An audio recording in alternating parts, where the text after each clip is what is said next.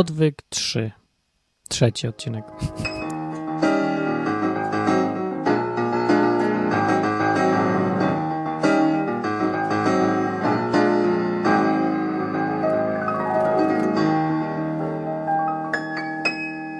Dzień dobry.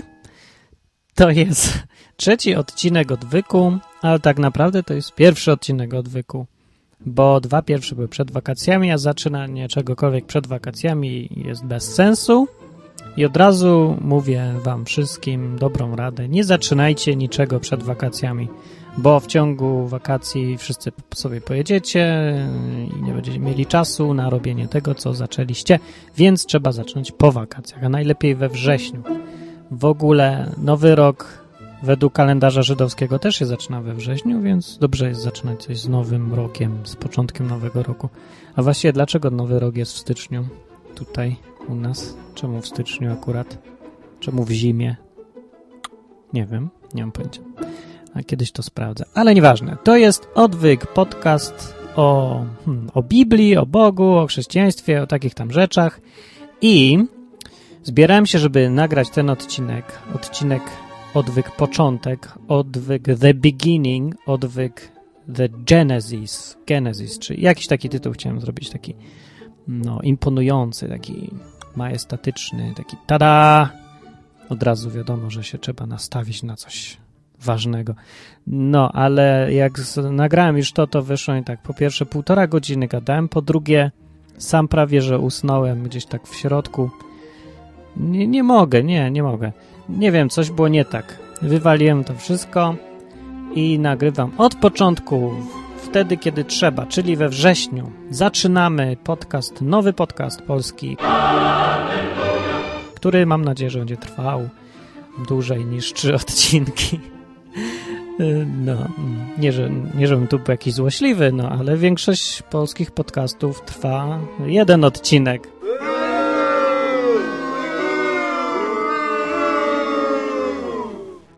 No więc to jest fatalne, fatalny początek właśnie. Nie można tak zaczynać. Trzeba zaczynać powoli, jak w tym kawale o dwóch bykach.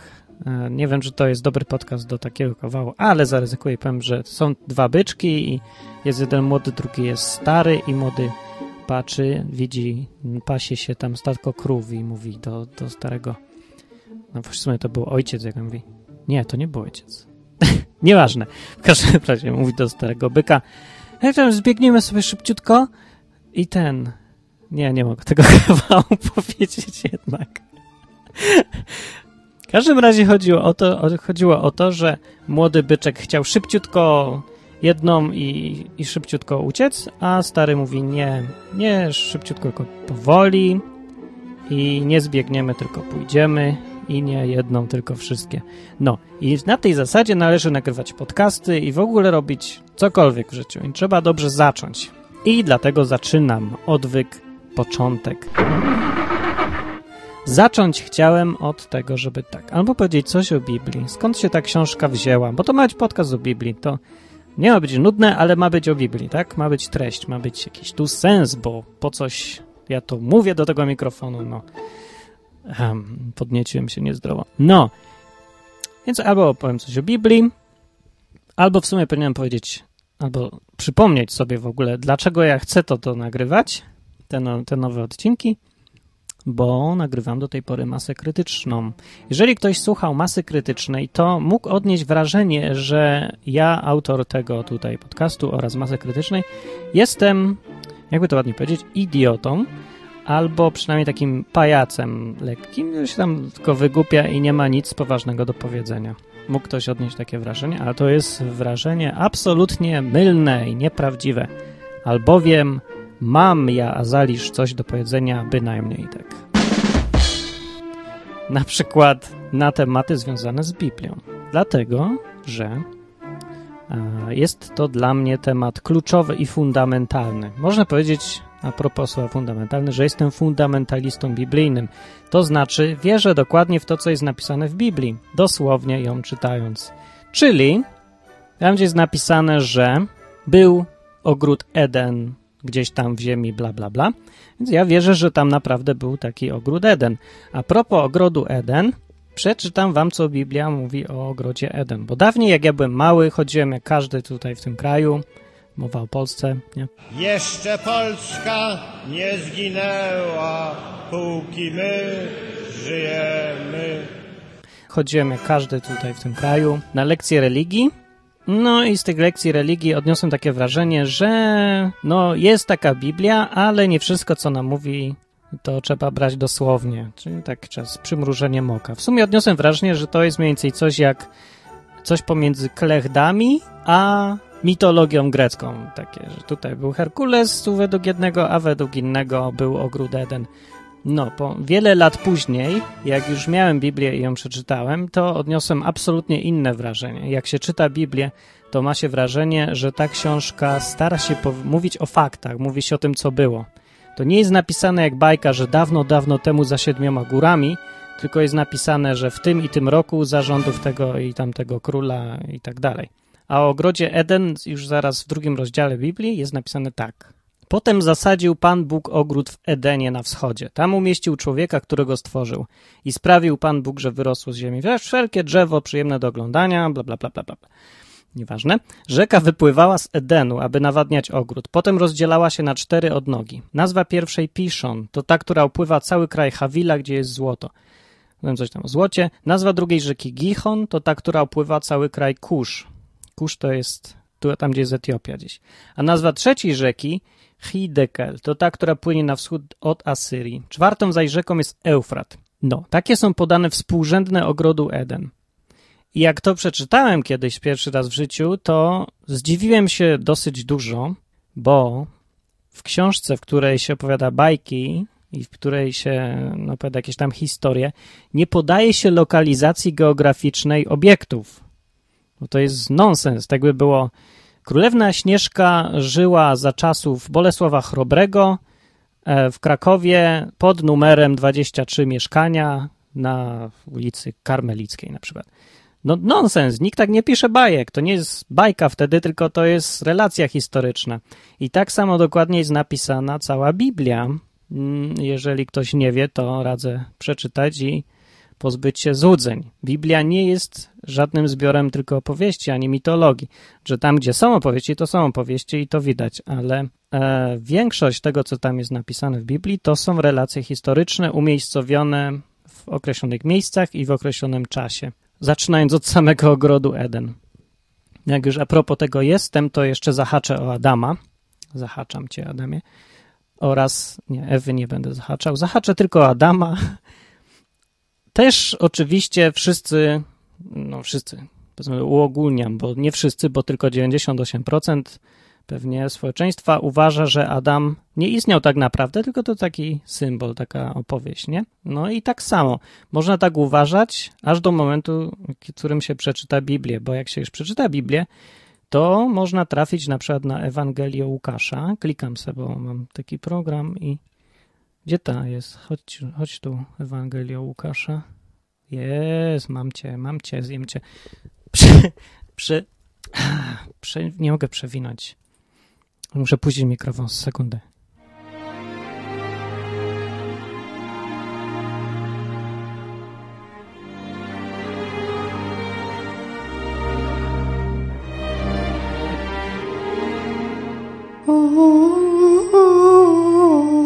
Odwyk.com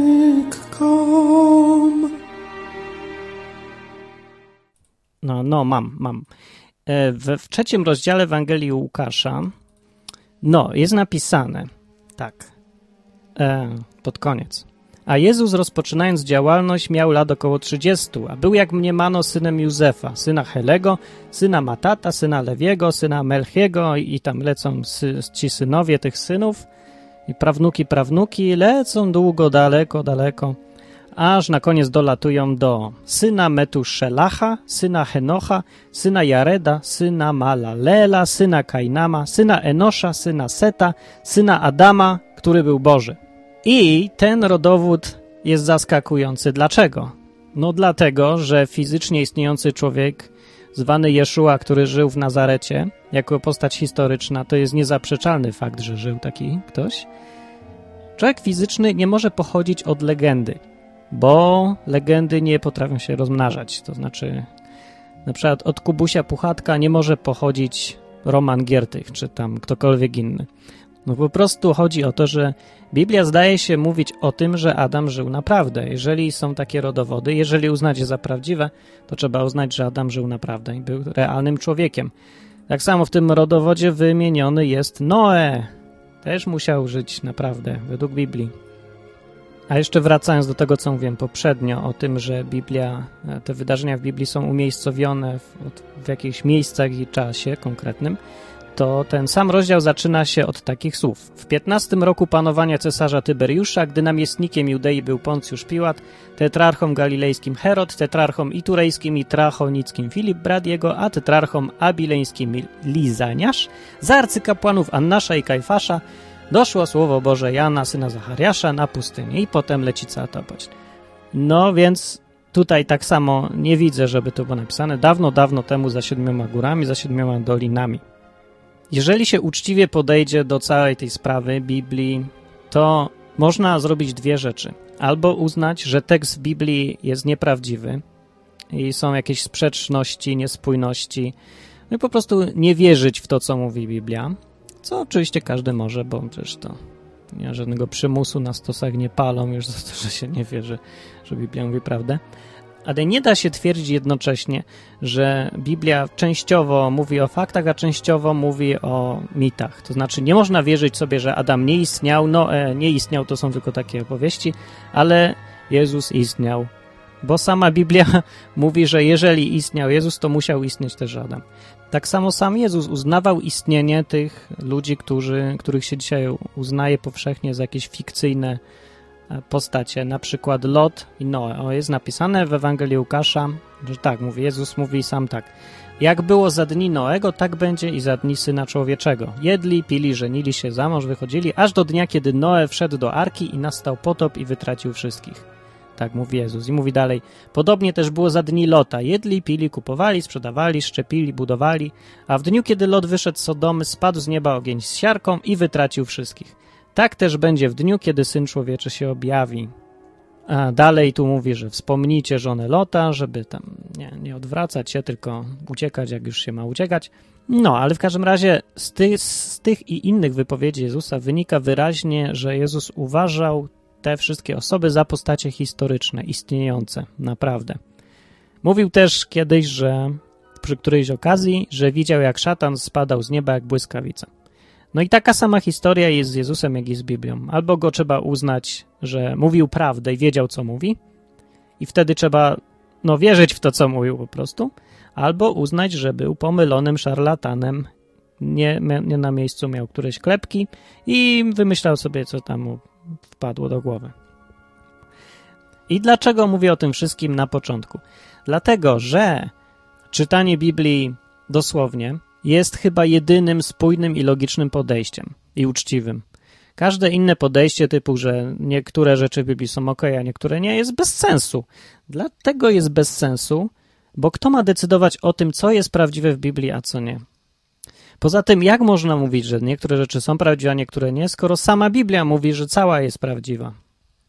No, także tyle chyba na początek i zachęcam wszystkich do popatrzenia na Biblię w inny sposób, nie w taki kościelny, jak nas przyzwyczaili do tego, że no, czyta się tam w jakiś liturgiczny sposób, tylko odpowiednio spreparowane kawałki z narzuconym ich rozumieniem. Tylko zachęcam do tego, żeby wziąć Biblię jak każdą inną książkę historyczną i poczytać ją krytycznie i pomyśleć, czy takie rzeczy mogły się zdarzyć, czy nie. Jeżeli nie mogły, to dlaczego? A jeżeli mogły, to co z tego wynika, jeżeli naprawdę się tak zdarzyło zaczynając od samego początku, gdzie jest napisane In the beginning God created the heaven and the earth. And the earth was without form and void, and darkness was upon the face of the deep. And the Spirit of God moved upon the face of the waters. And God said, Let there be light.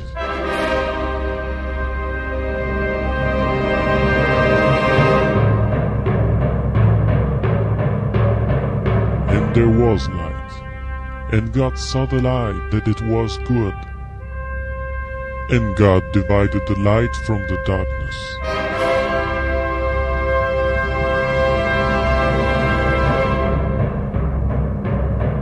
And God called the light day, and the darkness he called night. And the evening and the morning were the first day.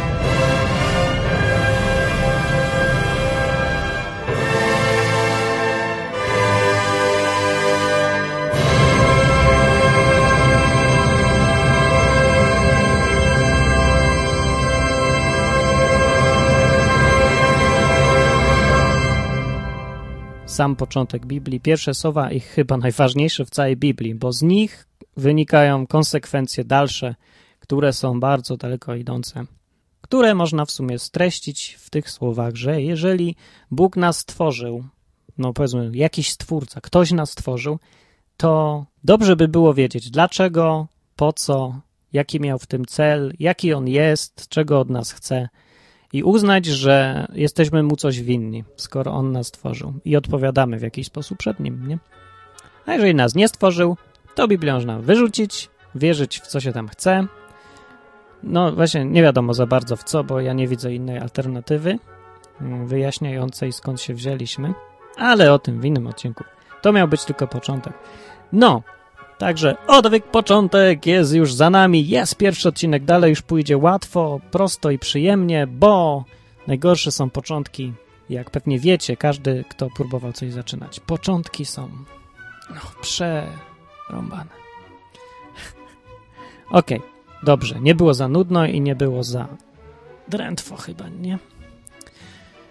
No, także mówienie o Bogu w sposób luźny i naturalny jest chyba możliwe. Tak mi się wydaje. W każdym razie spróbuję, no. Zanim się poddam, dobrze spróbować, nie? Przynajmniej parę razy zobaczymy. Aha, na stronie www.odwyk.com no, tam będą nowe odcinki oczywiście, ale oprócz tego dorobiłem system komentarzy i zapraszam do dyskusji na temat tego, co mówię w odcinku.